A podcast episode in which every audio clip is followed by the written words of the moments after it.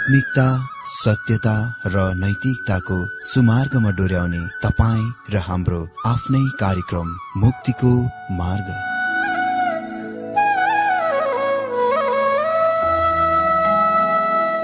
आदरणीय श्रोता यस मुक्तिको मार्ग कार्यक्रममा हार्दिक स्वागत छ। आशा छ यस आत्मिक कार्यक्रमद्वारा जीवनमा आत्मिक आशिष अलौकिक शान्ति र आनन्द प्राप्त गर्नुहुनेछ। र जीवनमा धन्य अनुभव गर्नुहुनेछ। आउनुहोस् श्रोता। मन र आत्माको तयारीको लागि यो मिठो अनि मधुर भजन गीत सुनौ।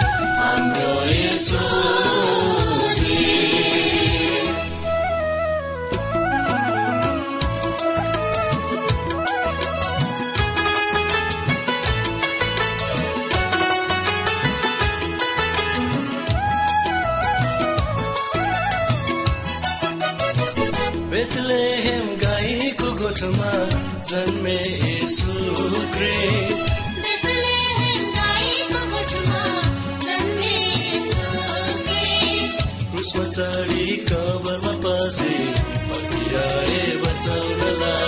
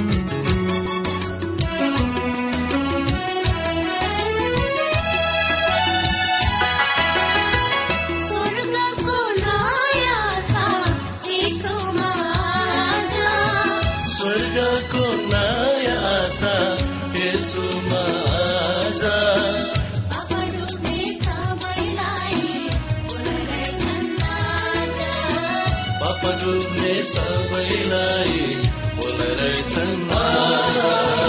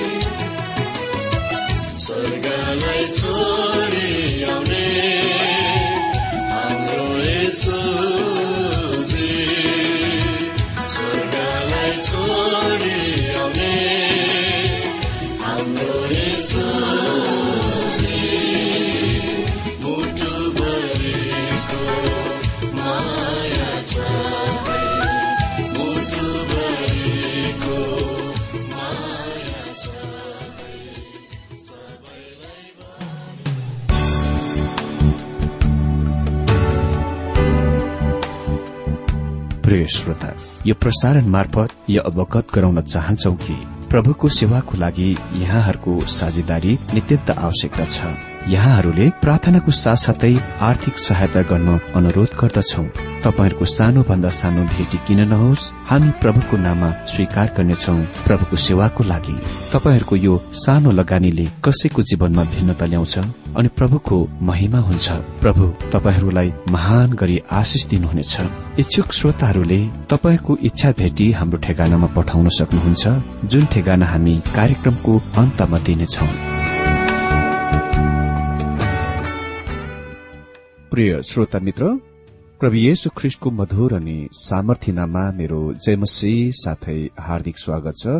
आजको यो बाइबल अध्ययन कार्यक्रममा। श्रोता अघिल्लो कार्यक्रममा हामीले जकरिया तीन अध्यय एकदेखि तीन पदबाट यहोसु र शैतानको दर्शन विषयदेखि अध्ययन गरिरहेका थियौं। आज पनि हामी यही विषयलाई जारी राख्दै अगाडि बढ्नेछौ। आज हामी जकरिया तीन अध्यय पद चारदेखि दश पदबाट बाइबल अध्ययन गर्नेछौ। मित्र अघिल्लो दिनमा हेरिसकेका शास्त्र खण्डलाई म एकपल्ट पाठ गरिदिन्छु। जकरिया तीन अध्यय एकदेखि तीन पदमा यस प्रकार लेखिएको छ। तब उहाँले प्रधान पुजारी यहोसुलाई परम प्रभुका दूतको सामुने उभिरहेका र शैतान तिनको विरोध गर्नलाई तिनको दाहिने हाततिर उभिरहेको मलाई देखाउनुभयो। परम प्रभुले शैतानलाई भन्नुभयो ए शैतान परम प्रभुले तलाई हकारुन्। यरुसलेमलाई चुन्नुहुने परम प्रभुले तलाई हकारुन्। के यो मानिस आगोबाट निकालिएको अगुल्ठो होइन र? अब यहोसु चाहिँ स्वर्गीय दूतको अघि फोहोर लुगा लगाएर उभिएका थिए। त्यसपछि हामी अगाडि जकरिया तीन अध्ययको चार पद हेर्दै अगाडि बढ्नेछौ। यहाँ लेखिएको छ तब ती स्वर्गीय दूतले आफ्ना सामुन्ने उभिरहनेहरूलाई भने त्यसको फोहोर लुगाहरू फुकालिदेऊ। तब तिनले यहोसुलाई भने हेर मैले तिम्रा पाप दूर गरिदिए र म तिमीलाई दामी दामी लुगा लगाइदिनेछु। मित्र यो निसन्देह हामीसँग पुरानो नियममा भएको एक सबभन्दा सुन्दर तस्विर हो। यहोसु यी फोहोर पोषकहरूलाई धर्मी र पवित्र परमेश्वरको सामुने लगाएर खडा हुन सक्दैनथे। साथै उसको कमजोरी पनि प्रकट गरियो। देख्नुभयो गन्ध फोहोर हुने कुरामा जस्तो कि उनी थिए शैतानलाई उसमा आफ्नो औला खडा गर्न दिन अवसर दिइथ्यो। अर्थात् उसको त्यो फोहोरी कपडा लगाउने कुरामा जस्तो कि उनी लगाएर उभिरहेका थिए शैतानलाई उसमा आफ्नो औला खडा गर्न अवसर दियो वा दोष लगाउन अवसर दिएथ्यो। मित्र यहुसुले केवल इसरायल राष्ट्रलाई मात्र प्रतिनिधित्व गरिएका थिएनन्। उसले आज हामीलाई पनि प्रतिनिधित्व गर्दछन्। उसमा हामी विश्वासीको पाप देख्छौ। यहोसु परमेश्वरको सामुने पुजारी थिए। परमेश्वरले पुरानो नियममा पुजारीहरूको नियुक्त गर्नुहुन्थ्यो। हाम्रा दिनमा विश्वासीहरू परमेश्वरको सामुने पुजारी हुन्। तर हामी कोही कोही चाहिँ फोहोर पोषक लगाएर उभिएका छौं। हजुर तपाईँ भन्नुहुँदो हो म त ख्रिस्टको धार्मिकतामा वस्त्र पहिरिएको छु। यदि तपाईँ उद्धार पाएको जन नयाँ जन्म पाएको जन हुनुहुन्छ भने त्यो बिल्कुल सत्य कुरा हो। अनि बिल्कुल त्यो नै तस्विर यहाँ हामीलाई दिइएको छ। देख्नुभयो फोहोर पोषक जुन पापको प्रतिनिधित्व गर्दछ उसबाट अर्थात् यहुसुबाट हटाउनै पर्दछ र उसले सफा पोषक लगाउनै पर्छ जुन ख्रिस्टको धार्मिकताको प्रतीक हो। यसले तपाईँ र मेरो धार्मिकताको चित्रित गर्दछ जुनले यसलाई यस प्रकारको शास्त्रको अति नै मूल्यवान अनुच्छेद बनाउँदछ। एकपल्ट रोमीहरूलाई लेखेको पत्रको रूपरेखा वा सारांशतिर तपाईँको ध्यान आकर्षण गर्न चाहन्छु। पहिला तीन अध्यायहरू मानव जातिलाई परमेश्वरको सामुने पापीको रूपमा प्रस्तुत गरिएको छ। हामी सबै उहाँको सामुने फोहोरी छौं अनि हाम्रा धार्मिकता अरू त के हामीले गर्न सक्ने उक्तम धार्मिकता पनि परमेश्वरको दृष्टिमा फोहोर कपडाहरू हुन्। हामी यहोसुको अवस्थामा स्थितिमा उभिन्दछौ। हाम्रा यस्तो दुर्दशाको बारेमा हामी के गर्न गइरहेका छौं त? यहाँ परमेश्वरको उत्तर छ रोमी तीन अध्यय एक्काइसदेखि चौबिस पदमा तर अब त बिना व्यवस्था नै परमेश्वरको धार्मिकता प्रकट भएको छ जसको गवाई व्यवस्था र भविष्य वक्ताहरूले दिन्छन्। अर्थात् परमेश्वरको धार्मिकता। यो येसु ख्रिस्टमाथिको विश्वासद्वारा विश्वास गर्ने सबैको लागि हो र सबैमाथि आउँछ किनभने त्यहाँ कुनै भिन्नता छैन। किनकि सबैले पाप गरेका छन् र परमेश्वरको महिमा रहित हुन गएका छन् र उहाँको अनुग्रहद्वारा ख्रिस येसुमा भएका छुटकाराको कारणले तिनीहरू सित्तैमा धर्मी ठरिन्छन्। किन? किनभने ख्रिस्ट मर्नुभयो आफ्नो रगत बहाउनुभयो ताकि तपाईँ र मेरो लागि हाम्रा गन्ध फोहोर पोषकहरूमा उहाँ कहाँ आउन सम्भव हुन सकोस्। उहाँले हाम्रा आफ्नै धार्मिकताका फोहोर गन्ध कपडालाई पोषकहरूलाई ग्रहण गर्नुहुने छैन उहाँले तिनीहरूलाई फुकालेर फ्याँकिदिनुहुनेछ र ख्रिस्टको धार्मिकताले पहिराइदिनुहुनेछ। जब हामी ख्रिस्टको धार्मिकतामा पोषक पहिरेर उभिन्दछौ कसैले पनि हाम्रो विरुद्ध दोष ल्याउन निन्दा ल्याउन सक्दैन किनभने हामी परमेश्वरका चुनिएकाहरू हौ। रोमी आठ अध्यय एकतिसदेखि चौतिस पदमा यस प्रकार लेखिएको छ तब हामी यी कुराहरूको विषयमा के भनौ त? परमेश्वर हाम्रो पक्षमा हुनुहुन्छ भने को हाम्रो विरोधमा हुन सक्छ? उहाँले आफ्नै पुत्रलाई पनि बाँकी राख्नु भएन भने? तर हामी सबका निम्ति उहाँलाई अर्पिदिनु भयो त कसरी उहाँले उहाँको साथमा सबै कुराहरूलाई पनि हामीलाई सित्तैमा दिनुहुने छैन र? परमेश्वरका चुनिएकाहरूका विरोधमा कसले दोष लाउला? धर्मी ठहराउनु हुने त परमेश्वर हुनुहुन्छ। दण्डको आज्ञा दिने को हो? मर्नुहुने त ख्रिस्ट हुनुहुन्छ। तर झन बौराउनु भएको छ जो परमेश्वरको दाहिने हातपट्टि रहनुहुन्छ। जसले हाम्रा निम्ति अन्तर्विन्ती पनि गर्नुहुन्छ। ओ हामीसँग कस्तो उद्धारकर्ता छ? जब हामी उहाँलाई हाम्रा उद्धारकर्ताको रूपमा ग्रहण गर्दछौ उहाँले खालि हामीबाट हाम्रा पापहरूलाई मात्र उठाइ लैजानुहुन्न र गन्ध पोषकको मात्र हटाउनुहुन्न तर उहाँले आफ्नो धार्मिकताको पोषक पनि हामीलाई लगाइदिनुहुन्छ। अनि कसैले पनि परमेश्वरका चुनिएका विरुद्ध दोष लगाउन अनि दोष ल्याउन सक्दैन। त पर्खनुहोस् के परमेश्वरको सन्तान पापमा पर्न सक्छ? हा निश्चय नै। तब परमेश्वरको सन्तानले के गर्नुपर्छ त?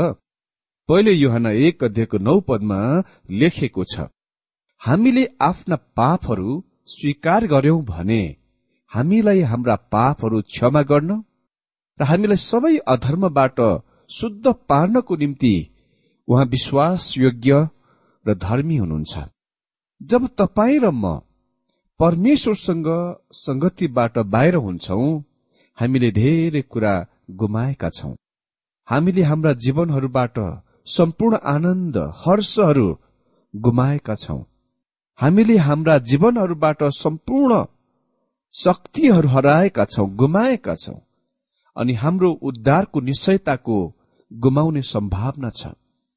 म यस्तो विचार मान्ने एक व्यक्ति हुँ कि धेरै मानिसहरू तिनीहरूका जीवनहरूमा पापको कारण आफ्ना उद्धारको निश्चयताको अभाव वा कमीको महसुस गर्छन्। अनि अर्को हामीले गुमाउने कुरा चाहिँ परमेश्वरको सेवामा हुने हाम्रा अवसर हो। देख्नुभयो यदि यहोसु प्रधान पुजारीको रूपमा परमेश्वरको सामने खड़ा हुनलाई उसले सफा पोषकहरू पहिरेकै हुनु पर्दथ्यो अनि परमेश्वरले सफा पोषकको प्रबन्ध गरिदिनुहुन्छ। कसरी? कृपाद्वारा। मन्दिरमा कृपा आसन थियो अनि आज हामीसँग कृपा आसन छ। पहिलो युहान दुई अध्यायको दुई पदले बताउँछ अनि ख्रिस्ट हाम्रा पापहरूका निम्ति प्रायश्चित अर्थात् कृपा आसन हुनुहुन्छ। ओ यो कति अद्भुत कुरा। होइन र? यसले परमेश्वरको प्रबन्धको कस्तो महिमित तस्विर दिन्छ यहाँ। अहिले इसरायल राष्ट्रलाई परमेश्वरले चुन्नु भएको कुरामा तपाईँसँग विरोध आपत्ति हुन सक्छ। के उहाँले तिनीहरूलाई चुन्नुभयो किनभने तिनीहरू सुन्दर आकर्षक थिए? अह उहाँले मलाई पनि त्यस कारणको लागि त्यसको आधारमा चुन्नु भएन। म रुतको कुराको सोच्दछु जब तिनले बोजलाई भनी किन तपाईँको नजरमा मैले कृपा दया पाए? अ म तिनलाई भन्न सक्छु। तिमीले गर्नुपर्ने काम नै आफ्नो घरमा जाओ र ऐनामा आफ्नो अनुहार हेर र तिमीले भेटाउने छौ पत्ता लगाउने छौ कि किन तिमीसँग उनी प्रेममा फसे र किन तिमी कहाँ उसले कृपा दया फैलाए? तिमी सुन्दरी छौ तिमी प्यारी छौ। तर मेरो मित्र मलाई ऐनामा हेर्न नभन्नुहोला। मैले पहिले नै आफ्नो अनुहार ऐनामा हेरिसकेको छु। र मैले के देखे तपाईँलाई थाहा छ? एक पापी त्यो पापी जसलाई ख्रिस्टको धार्मिकताले पोषकले पहिरन आवश्यक छ। पाँच पद। तब मैले भने तिनको शिरमा एउटा सफा फेटा लगाइदेऊ। यसैले तिनीहरूले तिनलाई एउटा सफा फेटा र लुगा लगाइदिए र परमप्रभुका स्वर्गीय दूत नजिक उभिरहेका थिए। मित्र यो फेटाको थप्ने कुरा केही त्यस्तो कुरो हो जुन त्यसको प्रतीकमा रूपकमा अति नै सुन्दर छ। प्रधान पुजारीका पोषकहरूमा फेटा पनि पर्दथ्यो। अनि त्यस फेटामा यी वचन वा कथन हुँदथ्यो परम प्रभुको निम्ति पवित्रता। यो मानिस यहोसुसँग फेटा थिएन। किनभने ती फोहोर गन्ध पुराना पोषकहरूमा उनी निश्चय नै परम प्रभुको निम्ति पवित्र थिएनन्।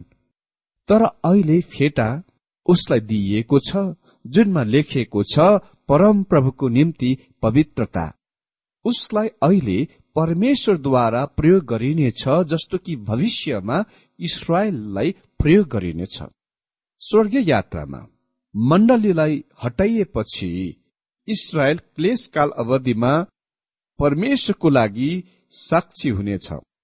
अनि त्यसपछि हजार वर्षीय मसिहाको राज्य अवधिमा सम्पूर्ण राष्ट्र यो यहाँ पृथ्वीमाथि पुजारी हुनेछन्।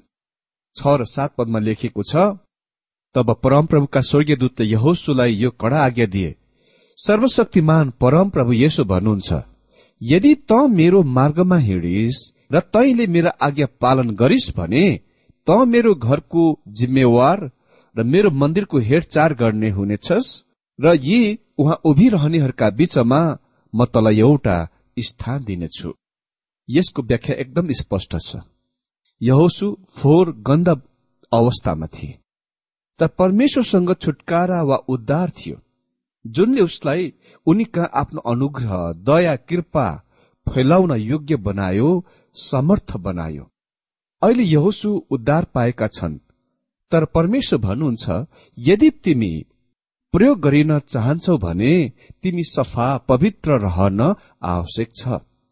तिमी मेरो चालहरूमा कायदाहरूमा हिँड्न पर्नेछ तिमी म प्रति विश्वास योग्य इमान्दार हुनु पर्नेछ केवल परमेश्वरले यहोसुलाई यो मात्र भनिरहनु भएको छैन उहाँले यो कुरा इसरायल राष्ट्रलाई भनिरहनु भएको छ र उहाँले यो आज तपाईँ र मलाई पनि भनिरहनु भएको छ। यसु प्रभुले युहाना चौधको पन्ध्र पदमा भन्नुभयो यदि तिमीहरू मलाई प्रेम गर्छौ भने मेरा आज्ञाहरू पालन गर। कुनै कुनै मानिसहरूको विचार यस्तो हुन्छ यदि तिनीहरू अनुग्रहद्वारा उद्धार पाएका छन् भने तिनीहरू जस्तो सुकै र जे कुरा पनि गर्न सक्छन् जुन तिनीहरू चाहन्छन्। मेरो मित्र त्यो बिल्कुल असंगत कुरा हो। यदि तपाईँ आफूले चाहे अनुसार मन अनुसार कुनै पनि कुरा गर्न इच्छुक हुनुहुन्छ भने तपाईँ अनुग्रहद्वारा उद्धार पाउनु भएको छैन। किनभने तपाईँ निश्चय नै उहाँलाई प्रेम गर्नुहुनेछ जो तपाईँको निम्ति मर्नुभयो। तपाईँलाई उद्धार गर्नुभयो। यदि तपाईँले उहाँलाई वास्तवमा साँच्ची नै ग्रहण गर्नु भएको छ भने र तपाईँ साँच्ची नै विश्वास र भरोसा गरिरहनु भएको छ भने तपाईँ उहाँमाथि आश्रित पनि भइरहनु भएको छ। अनि यदि तपाईँ उहाँमा आश्रित भइरहनु भएको छ भने तपाईँ उहाँप्रति आज्ञाकारी हुन पनि चाहनुहुनेछ र त्यही काम गर्नुहुनेछ जुन उहाँ तपाईँले गरेको चाहनुहुन्छ। त्यसपछि हामी हाँगाको दर्शन देख्छौ तीन अध्यायको आठ पदमा। हे यहोसु प्रधान पुजारी र तेरो सामुने बस्ने तेरा साथीहरू जो पछि हुने कुराका चिन्ह जस्ता छन् यी कुरा सुन।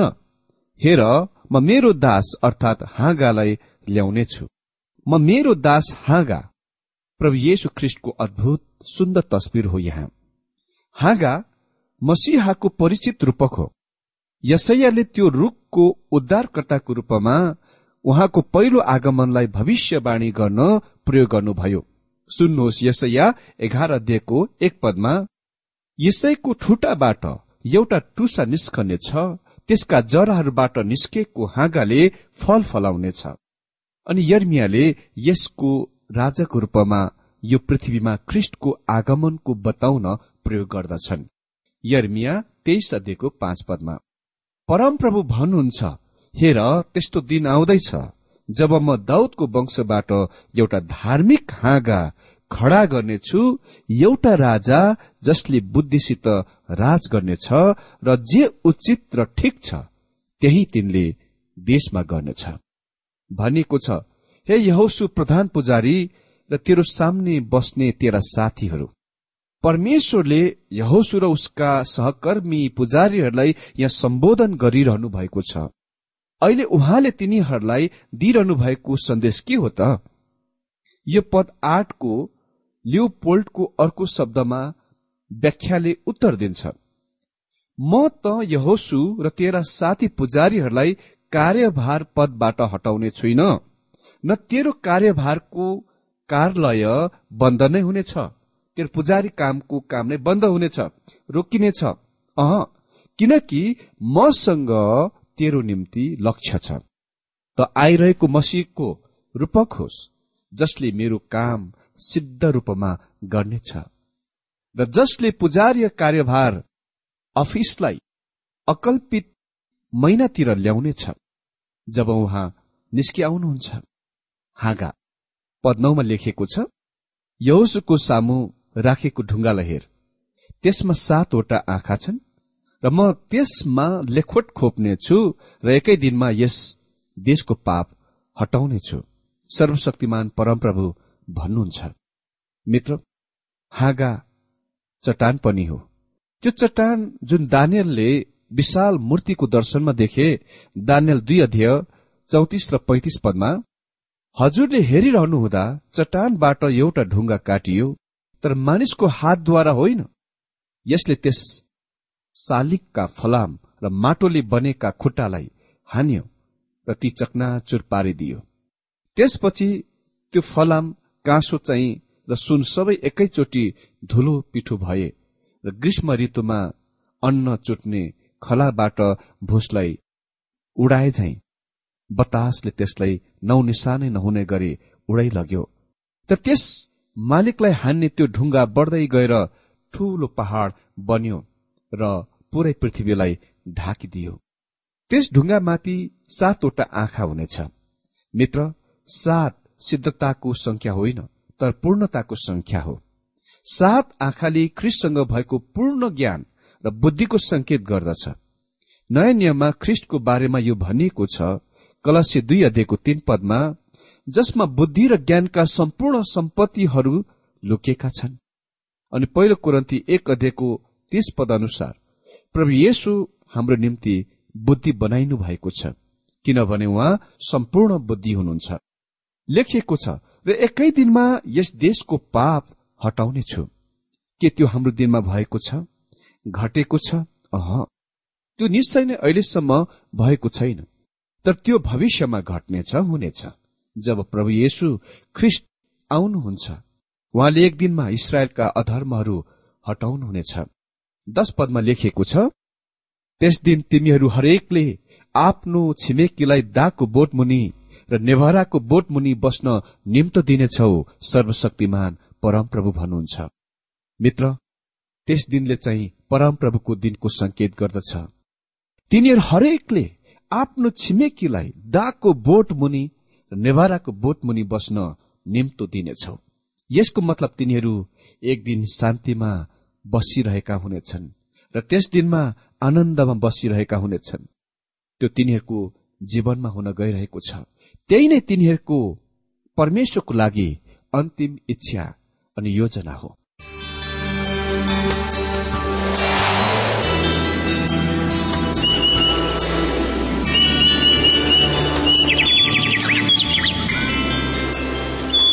प्रिय श्रोता अहिले भर्खरै तपाईँले टीडब्ल्यूआर नेपालद्वारा सञ्चालित आत्मिक कार्यक्रम मुक्तिको मार्ग सुनिरहनु भएको थियो। श्रोता आजको यो कार्यक्रम सुनेर तपाईँलाई कस्तो लाग्यो? यदि यो कार्यक्रम सुनेर मनमा कुनै खुल्दुली वा कुनै प्रतिक्रिया अर्थात सुझावहरू छन् भने हामीलाई पत्रद्वारा लेख्न सक्नुहुनेछ।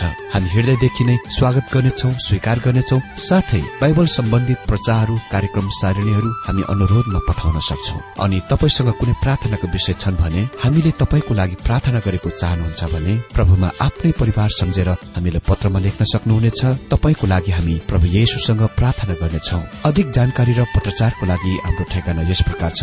कार्यक्रम मुक्तिको मार्ग जीपीओ नम्बर उनानब्बे पचहत्तर इपिसी पच्चिस एकसठी काठमाडौँ। ठेगाना एकपल्ट सुन्नुहोला। कार्यक्रम मुक्तिको मार्ग जीपीओ नम्बर उनानब्बे पचहत्तर इपिसी पच्चिस एकसठी काठमाडौँ। हाम्रो इमेल एड्रेस हो TWR Nepal at Yahoo dot com. साथै यस नम्बरमा एसएमएस गर्न सक्नुहुनेछ। अन्ठानब्बे चार सत्तरी पैतिस छ सय उनासी नौ आठ चार सात जिरो तीन पाँच छ सात नौ। हुन्छ श्रोता आजलाई हामी विदा चाहन्छौ। अर्को कार्यक्रममा हामी पुनः भेट्नेछौ तबसम्मलाई नमस्कार।